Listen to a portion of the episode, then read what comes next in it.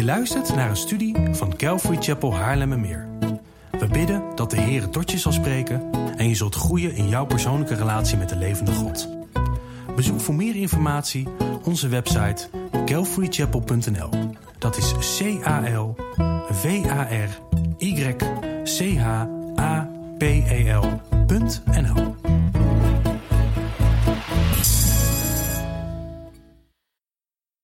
We zijn al een aantal weken, een aantal maanden zelfs nu bezig met onze studie in het Bijbelboek Spreuken. En we hebben de eerste negen hoofdstukken hebben we samen vers voor vers behandeld. We zijn door alles heen gegaan wat er staat. En vanaf hoofdstuk 10 wordt Spreuken anders.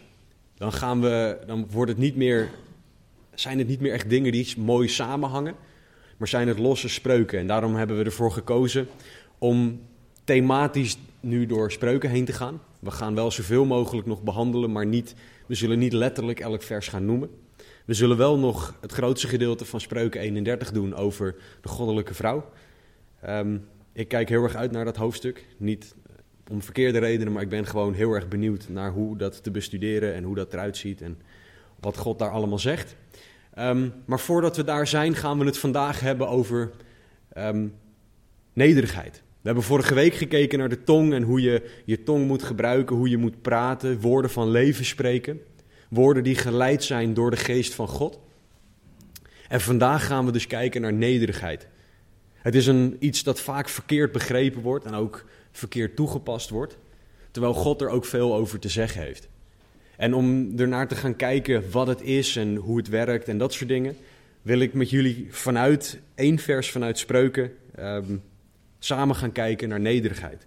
Dus als je je Bijbel bij je hebt, sla je Bijbel open op Spreuken hoofdstuk 3, specifiek vers 34. Er wordt verderop in Spreuken nog veel meer over um, nederigheid gezegd, maar dit vers maakt heel erg mooi duidelijk en is een goed uitgangspunt om te beginnen. Spreuken 3, vers 34.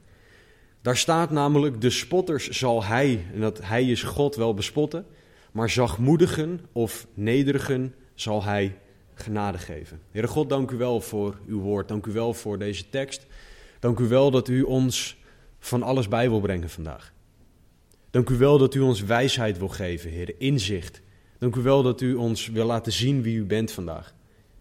En Heer, het is mijn gebed dat elk aspect van de dienst, Heer, dus ook deze preek, volledig op u gericht zal zijn. Laat onze harten op u gericht zijn, naar uw stem luisteren. Laat niks afleiden.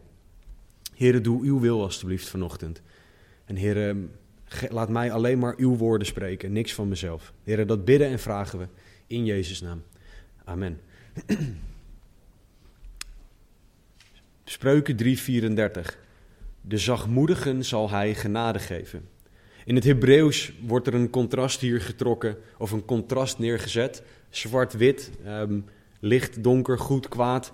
En het contrast hier is spotters aan de ene kant en nederigen of zachtmoedigen aan de andere kant. En wat de Bijbel ons wil leren, wat spreuken ons wil leren, is dat nederigheid de weg naar genade is. Salomo zegt namelijk: zachtmoedigen of nederigen zal God genade geven. Dus als wij genade van God willen ontvangen, moeten we nederig zijn. En om te kijken wat hier, wat hier nou precies mee bedoeld wordt, gaan we vier vragen met elkaar behandelen.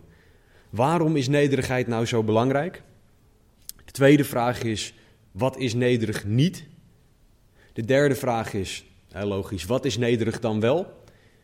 En als laatste, hoe word je dan nederig? Of hoe ben je dan nederig? Hoe ziet dat eruit?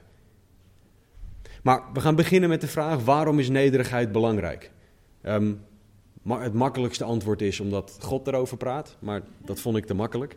Um, God geeft ons hier duidelijkheid over. In 1 Petrus 5, vers 5 zegt God het volgende. Evenzo, jongeren, wees aan de ouderen onderdanig. Niet iets wat je mag misbruiken trouwens, ouderen. En wees allen elkaar onderdanig. Daar staat de, de mooie uitleg ervan. Maar dan, wees met nederigheid bekleed, want God keert zich tegen de hoogmoedigen, maar de nederigen geeft hij genade. Dit zegt eigenlijk hetzelfde als Spreuken 3, maar het maakt het iets duidelijker. God zegt dat mensen die hoogmoedig zijn, die trots zijn, door God afgewezen zullen worden. En dat God genade geeft aan hen die nederig bij Hem komen. Nederigheid is dus belangrijk omdat het de enige weg naar genade is. Als ik bij God kom en ik zeg: Ik ben zo goed, jij moet mij nu genade geven. Dan zegt God: Ja, wacht even, zo werkt het niet. Dat is niet hoe dit in elkaar zit. Als ik naar God kom en ik zeg: Heere, ik verdien het niet. Ik ben een slecht mens, ik ben een zondaar, ik heb u nodig. Dan zegt God: Ik geef jou genade, omdat je inziet dat je het zelf niet kan. En dat is waarom nederigheid belangrijk is. Als wij genade van God willen ontvangen, en die genade hebben we elke dag nodig, dan moeten we nederig bij God komen. Niet vol van onszelf, kijk mij eens goed zijn, kijk mij eens alle dingen op een rijtje hebben, kijk mij eens een fantastische baan hebben, kijk mij eens en vul maar in. Nee, wij moeten zeggen, Heere, ik ben niks. Ik kan niet zonder u. Dan geeft God ons genade. En die genade hebben we elke dag nodig, want zonder die genade hebben we een groot probleem. De definitie van genade is namelijk iets wel krijgen dat je niet verdient. En als God ons niet dat geeft, dan gaat hij ons geven wat we wel verdienen. En als God ons gaat geven wat wij als mensen wel verdienen, dan hebben we een heel groot probleem. Want elk mens zondigt, elk mens doet dingen die niet naar Gods standaard van perfectie zijn. En de enige straf daarvoor, de enige consequentie, is de dood. Dus als God ons geeft naar wat wij verdienen, hebben wij allemaal een heel groot probleem. Dat is dus genade. Dat God ons wel geeft wat we niet verdienen en dat we daarom zijn liefde mogen ontvangen, zijn acceptatie. Nederigheid is de weg naar genade. En daarom is nederigheid zo belangrijk. Nu we weten waarom nederigheid dan belangrijk is, is het goed om ook te kijken naar wat is het niet. Het is een hele goede manier om erachter te komen wat iets wel is, is om te kijken naar wat is het nou niet, zodat je daar duidelijkheid over hebt. Spreuken 3 vers 34 en 1 Petrus 5 5 geven aan dat de spotter of de hoogmoedige niet genade of niet nederig is want zij ontvangen die genade niet. En een spotter is iemand die bewust en continu God afwijst. Iemand die bewust en continu God belachelijk maakt. Dingen als: hoe kan je nou in een onzichtbare God geloven? Hoe kan je nou niet zien dat evolutie wel bestaat en dat God het universum niet gemaakt heeft? In God geloven is hetzelfde als in sprookjes geloven. Dat soort dingen. God zegt, als dat jouw levensstijl is, als je daarin volhardt, zal je geen genade ontvangen. Je kan je ervan bekeren, je kan van gedachten veranderen, maar dat is wel een keuze. De spotter kijkt op anderen neer, de hoogmoedige ook. De hoogmoedige, de trotse persoon luistert niet naar iemand anders. En de trots persoon wil alleen zijn eigen, zijn of haar eigen wil doen. Want die persoon weet het toch beter dan wie dan ook. Bijbelcommentator Bruce Waltke heeft over deze mensen gezegd, over de hoogmoedigen en de trotsen, hun geestelijk probleem zit in hun overdreven trots. Hun verwaande arrogantie weerhoudt hen van wijsheid, van Gods wijsheid. Deze mensen die trots zijn, die uitgaan van eigen kracht, van eigen talenten, die zeggen: Kijk mij dit eens goed kunnen die mensen ontvangen geen genade, omdat ze niet zich onderwerpen aan God. Een Bijbels voorbeeld hiervan is koning Nebukadnezar. Dat was de koning van Babylon. Was het machtigste rijk van dat moment. Men verwacht dat als ze de stad Babylon met de schatkamers volledig vinden, dat de wereldeconomie op ondersteboven gaat, omdat er zoveel goud in Babylon was. Deze man had alles. Je kan het zo gek niet bedenken, deze man had het. Veel land had hij, veel mensen, hij was onmetelijk rijk. Hij kon alles krijgen wat hij maar wilde, wanneer hij het maar wilde. En deze man wist dat God bestond. Deze man had Jeruzalem veroverd. Deze man had Daniel en andere kinderen meegenomen. En hij had gehoord over God. Hij wist dat de God van de hemel echt was. En toch zei hij in Daniel 4, vers 30: Is dit niet het grote Babel? Dat ik als een huis voor het koninkrijk gebouwd heb, door mijn sterke macht en ter ere van mijn majesteit? Koning Nebukadnezar was trots op wat hij zelf bereikt had, op wat hij zelf gedaan had. Hij hoefde naar niemand te luisteren, vond hij. Hij hoefde niet naar God te luisteren, vond hij. Hij zei: Ik heb dit allemaal gedaan. Ik, ik, ik. En hij werd gewaarschuwd van tevoren door God. Dat hij zich moest onderwerpen aan God. Dat hij niet moest denken dat hij het zelf allemaal had gedaan. En toch zei hij na die waarschuwing: Ik heb dit allemaal gedaan. En toen greep God in. God gaf deze man zeven jaar waarin hij zich als een beest gedroeg. Hij at gras, hij, zijn haren werden lang en was niet meer te herkennen als wie hij was. Hij werd door God vernederd. En het enige wat hem veranderde na die zeven jaar was dat hij zijn ogen omhoog hief naar God en zei: U bent God. En ik onderwerp me aan u. Toen ontving hij genade en werd hij hersteld. Maar voordat hij dat deed, ontving hij geen genade, want hij was trots in zijn hart op wat hij zelf bereikt had. Trots is niet nederig, is niet Gods wil voor ons. God zegt in Spreuken 6, vers 17 dat hij een trots hart haat. Zo kijkt God naar trots. En voor de duidelijkheid, trots is jezelf aanbidden in de plaats van God. Je zegt daarmee, kijk eens hoe goed ik ben, dat ik dit allemaal kan. In de plaats van dat je zegt, Heer, dank u wel dat u mij de kracht hiervoor geeft. De talenten geeft om dit te doen. Alle eer is voor u. Trots is God niet eren zoals hij wel verdient. Trots is, ja, dat heb ik goed gedaan. In de plaats van Heere, alle eer aan u. Trots is dat je niks en niemand nodig hebt. Zeker God niet. En daarmee wijs je dus ook Gods genade af. En dat is wat God zo erg vindt. William Barclay, Bijbelcommentator, heeft over trots gezegd: Trots is de grond waarin alle andere zonden zaaien en de ouder waaruit alle andere zonden voortkomen. De zonde van Satan, waardoor hij uit de hemel gegooid werd door de Heer, is dat hij trots werd in zijn hart. En dat hij zei: Ik wil verhoogd worden boven God. Trots is waar dingen fout gaan. Trots is het begin van allerlei andere zonden. En daarom heeft God in Filippenzen 2 vers 3 tegen ons gezegd: Doe niets uit eigen belang of eigen dunk. Maar laat in nederigheid de een de ander voortreffelijker achten dan zichzelf. Dat is nederigheid. Dat je bereid bent om zelf op de achtergrond te staan en iemand anders goed naar voren te laten komen. Dat jij bereid bent om op je werk niet die ene presentatie te doen, waardoor je er goed op staat, maar dat iemand anders dat mag doen. Dat jij bereid bent om iemand anders het laatste stukje eten te geven, terwijl je zelf misschien honger hebt.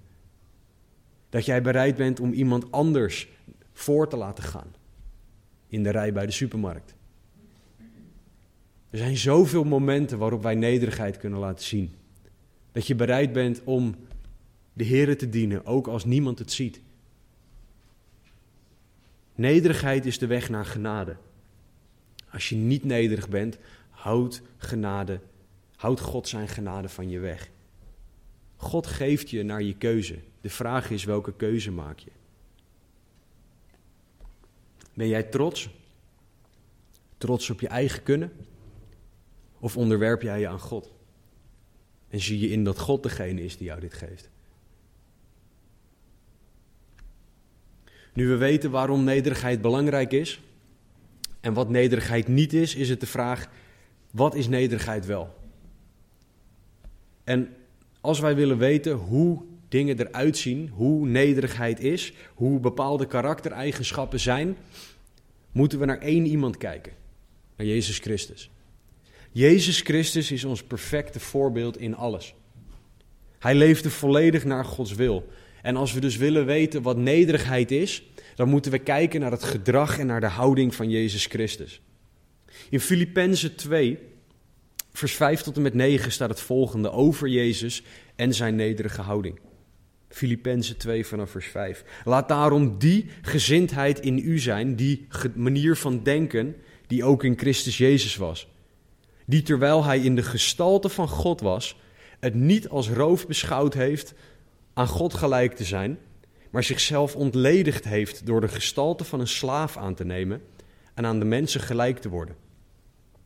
En in gedaante als een mens bevonden, heeft hij zichzelf vernederd en is gehoorzaam geworden tot de dood, ja, tot de kruisdood. Jezus was nederig. Hij was bereid om alles af te leggen en deed dat ook. Hij kwam naar de aarde. Hij had de gestalte van God, oftewel hij was nog steeds God, maar toch werd hij een slaaf voor ons. Hij ging van de hoogste eer in de hemel naar de dood aan het kruis.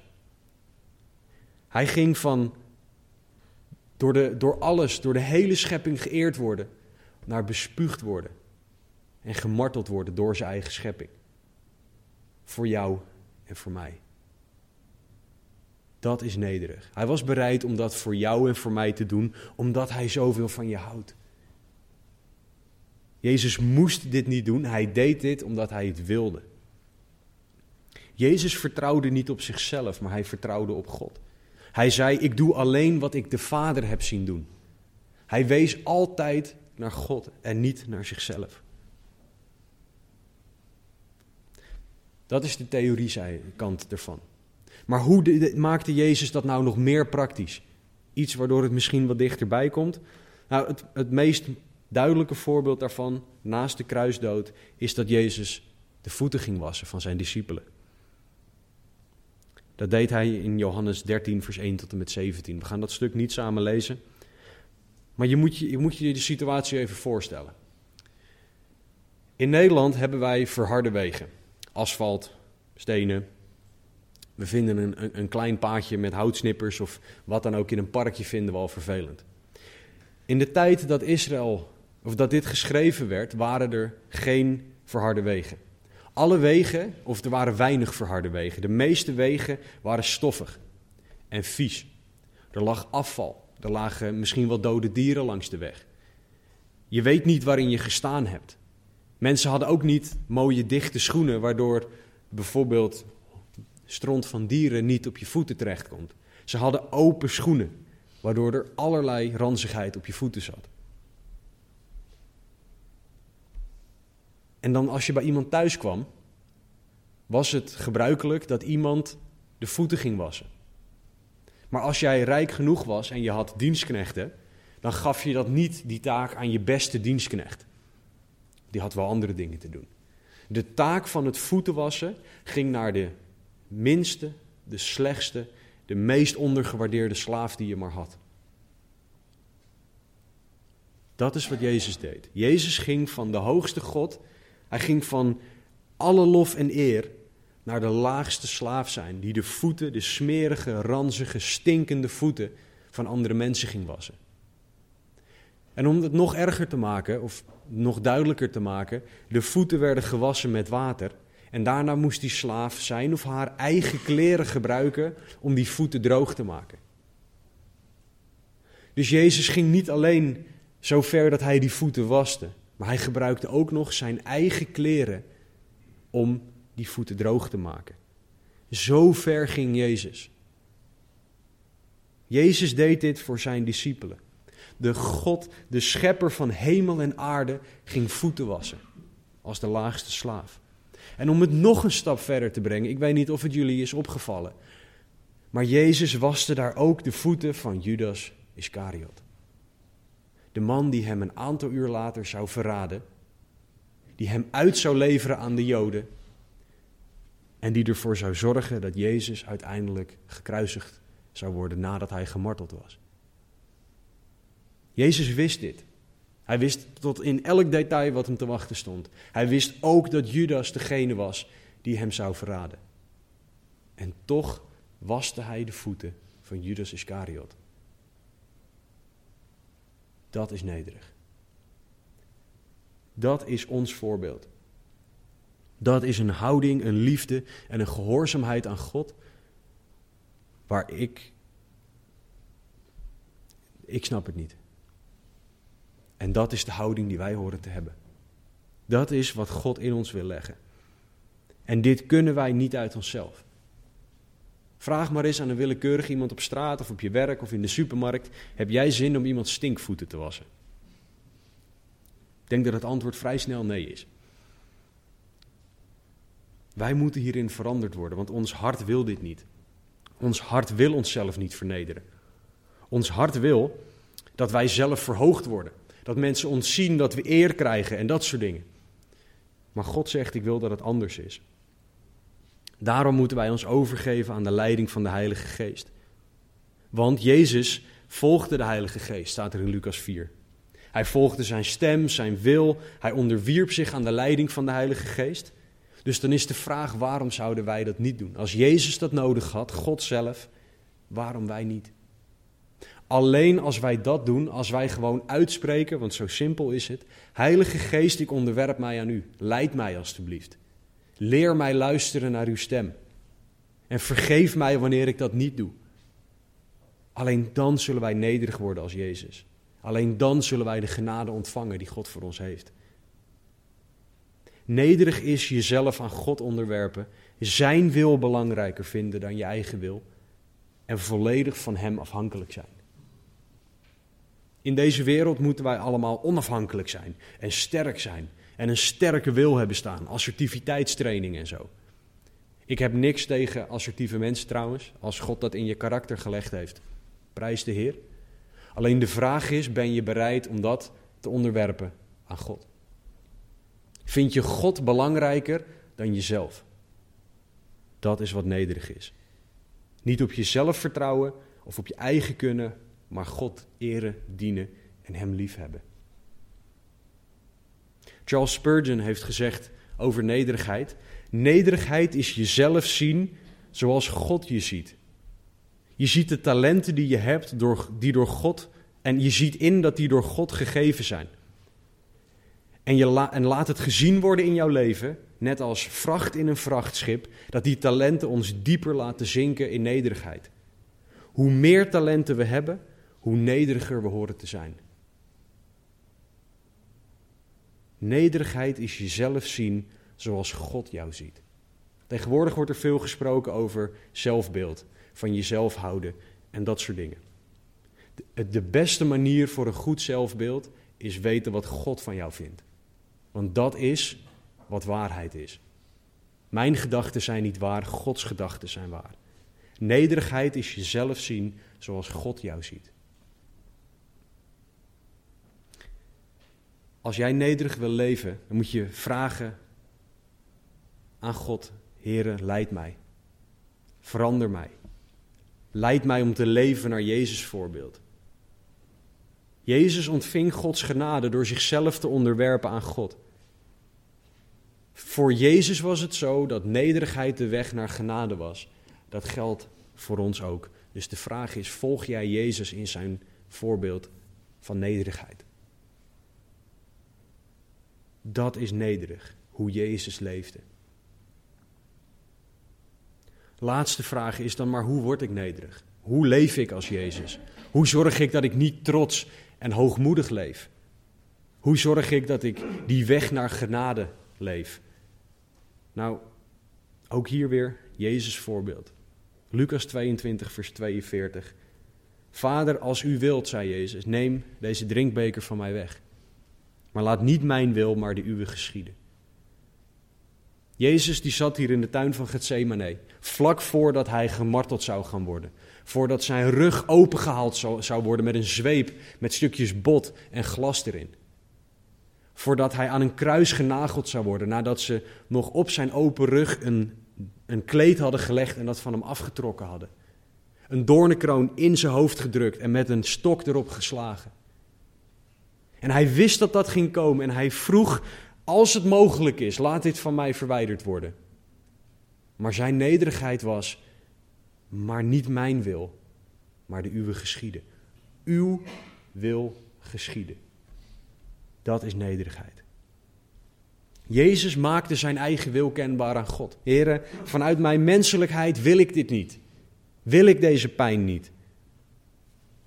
Maar uw wil, dat is belangrijker. Wat we hier zien is dat Jezus zijn emoties in Gods handen legt. Hij had net bloed gezweet. Dat doe je alleen in doodsangst. Jezus legde zijn comfort in Gods handen, want hij wist dat hij gemarteld ging worden. Jezus legde zijn familie in Gods handen, want hij wist dat hij hen achter moest gaan laten. En ultiem legde Jezus zijn leven in Gods handen, want hij wist dat hij moest gaan sterven. Jezus legde alles in zijn handen. In Gods handen. Hij had alles voor God over. Hij is ons ultieme voorbeeld van nederig zijn. Het ultieme voorbeeld van jezelf volledig onderwerpen aan God. Ongeacht wat het kost. En dat is de uitdaging. Jezelf onderwerpen. En tegenwoordig, als ik voor mezelf spreek, ik denk ook voor jullie, dat vinden we niet zo leuk. Denk vroeger ook niet, maar daar kan ik minder makkelijk voor spreken. We willen tegenwoordig de touwtjes in handen hebben. Controle over je leven. Je moet de controle naar je toe trekken. Plannen maken, Excel-spreadsheets uitschrijven. Je, wat we dan allemaal ook doen. Om controle te hebben en te houden. En God zegt: Ben jij bereid om die controle aan mij te geven? Dat ik bepaal. Nederigheid is God die touwtjes in handen geven en accepteren dat het goed is. Als jij je onderwerpt aan God, net zoals Jezus, dan zou je gaan dienen zoals Jezus. Voeten wassen, misschien wel letterlijk, misschien iets anders. Dan zou je gaan liefhebben, zoals Jezus naar, voor ons naar het kruis ging. En zou je gehoorzaam zijn, zoals Jezus naar de aarde kwam. Maar alleen door nederig te zijn en je te onderwerpen aan God. Maar nogmaals, hoe wordt dit nou praktisch? Hoe wordt en blijf je nederig? Drie dingen. Eerste is bidden. Heel simpel. We moeten het niet moeilijker maken dan het is. We mogen net als kinderen zijn. Als mijn dochter iets wil, dan zegt ze papa of abba in mijn geval drinken. Abba eten. Zo mogen wij naar God gaan. Heren, maak mij nederig. Eenvoudig vragen aan onze papa. Houd mij nederig, mogen we vragen. En dat is niet altijd leuk, want God gaat dan dingen weghalen waar we op vertrouwen. Maar het resultaat is dat we Gods eeuwige genade beter gaan leren kennen. En er is niks beters dan dat. Bid ook Bijbelgedeeltes. Voor degene van jullie die notities maken, dingen als 1 Petrus 5, vers 5 en 6. Bid die versen. Hardop naar God toe. Jacobus 4, vers 6 tot en met 10. Lucas 9, vers 48. Zo zijn er nog veel meer, maar deze drie plekken kan je beginnen. 1 Petrus 5, vers 5 en 6. Jacobus 4, vers 6 tot en met 10. En Lucas 9, vers 48. Bid die gedeeltes naar God, want het is zijn woord dat hij aan ons gegeven heeft.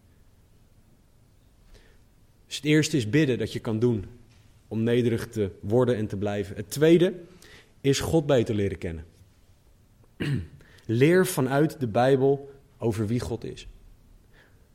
Leer Gods hart beter kennen. Zie hoeveel groter Hij is dan dat je ooit hebt kunnen bedenken. Want als je gaat inzien hoe groot Hij is, dan ga je je ook beseffen hoe ontzettend klein je zelf bent. En dat maakt je heel nederig. Dat houdt je heel klein. Je mag ook vragen om God meer te ervaren, om Hem op die manier te leren kennen. Want vergeet niet dat God theoretisch kennen heel goed is. Maar het moet ook echt in ons hart landen. En dat mogen we aan God vragen. Heere, geef mij ervaringen met u. Voor de duidelijkheid, ervaringen mogen nooit leidend zijn. Het kan zijn dat je God een keer fysiek gevoeld hebt. Dat is niet, niet echt uit te leggen, maar degene van jullie die dat meegemaakt hebben, weten waar ik het over heb. Dat mag nooit leidend zijn. Dat datgene is, dat dat alleen God, dat God alleen nog maar op die manier tot je mag spreken. Want hij heeft ten allereerste ons zijn woord gegeven.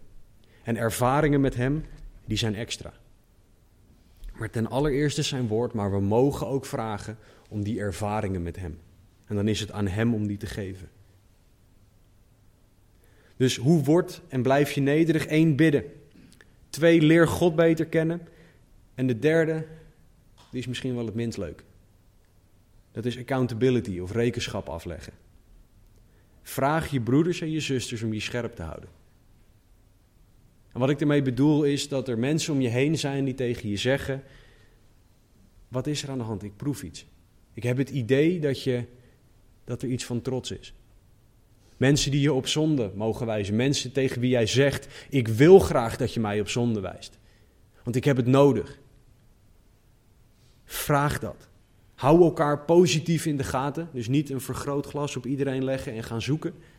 Nee, wanneer je iets ziet, daar actief wat mee doen.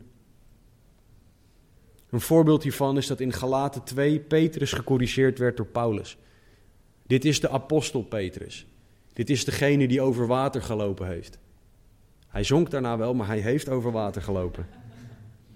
Maar waarom werd Petrus gecorrigeerd? Hij was trots. Hij wilde als, als verheven Jood niet meer met dat plebs de heidenen gezien worden. Zo handelde hij. En hij was een groot kerkleider, maar toch viel hij hiervoor. Hij had een broeder nodig die hem hierop wees. En Paulus, weinig subtiel als dat hij is, zal dat vriendelijk, liefdevol, maar toch erg duidelijk gedaan hebben, denk ik. Wij hebben dat nodig, dat we dat richting elkaar doen. Wijs mij erop als ik iets zeg of doe wat trots is, wat niet klopt met Jezus' houding. Maar doe dat ook richting elkaar. Ik hoop niet dat er straks dan trouwens een rij komt te staan hier. Dat niet allemaal, uh, dat hoop ik niet. Maar de vraag is, sta jij er open voor? Sta jij er open voor om dat te horen van iemand? Sta jij er open voor om dat te vragen aan iemand anders, om jou in de gaten te houden? Sta jij er open voor dat God tegen jou wil zeggen: Ik wil dat je die persoon aanspreekt? In liefde om elkaar rekenschap af te laten leggen, om elkaar scherp te houden op nederig zijn. Omdat we anders uit de pas lopen met Gods genade. Dus hoe wordt en blijf je nederig? Bid, vraag het aan God. Leer God beter kennen in zijn woord. Vraag hem ook om meer ervaringen met hem. En ten derde, houd elkaar scherp in liefde.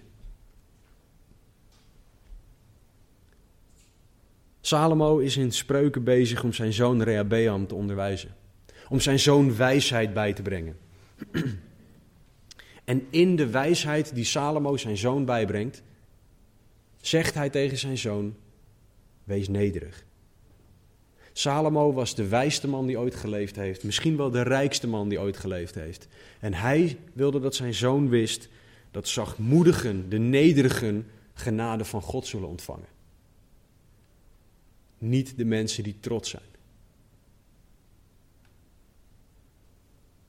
Jezus is ons perfecte voorbeeld hierin. Komt uit de bloedlijn van Salomo.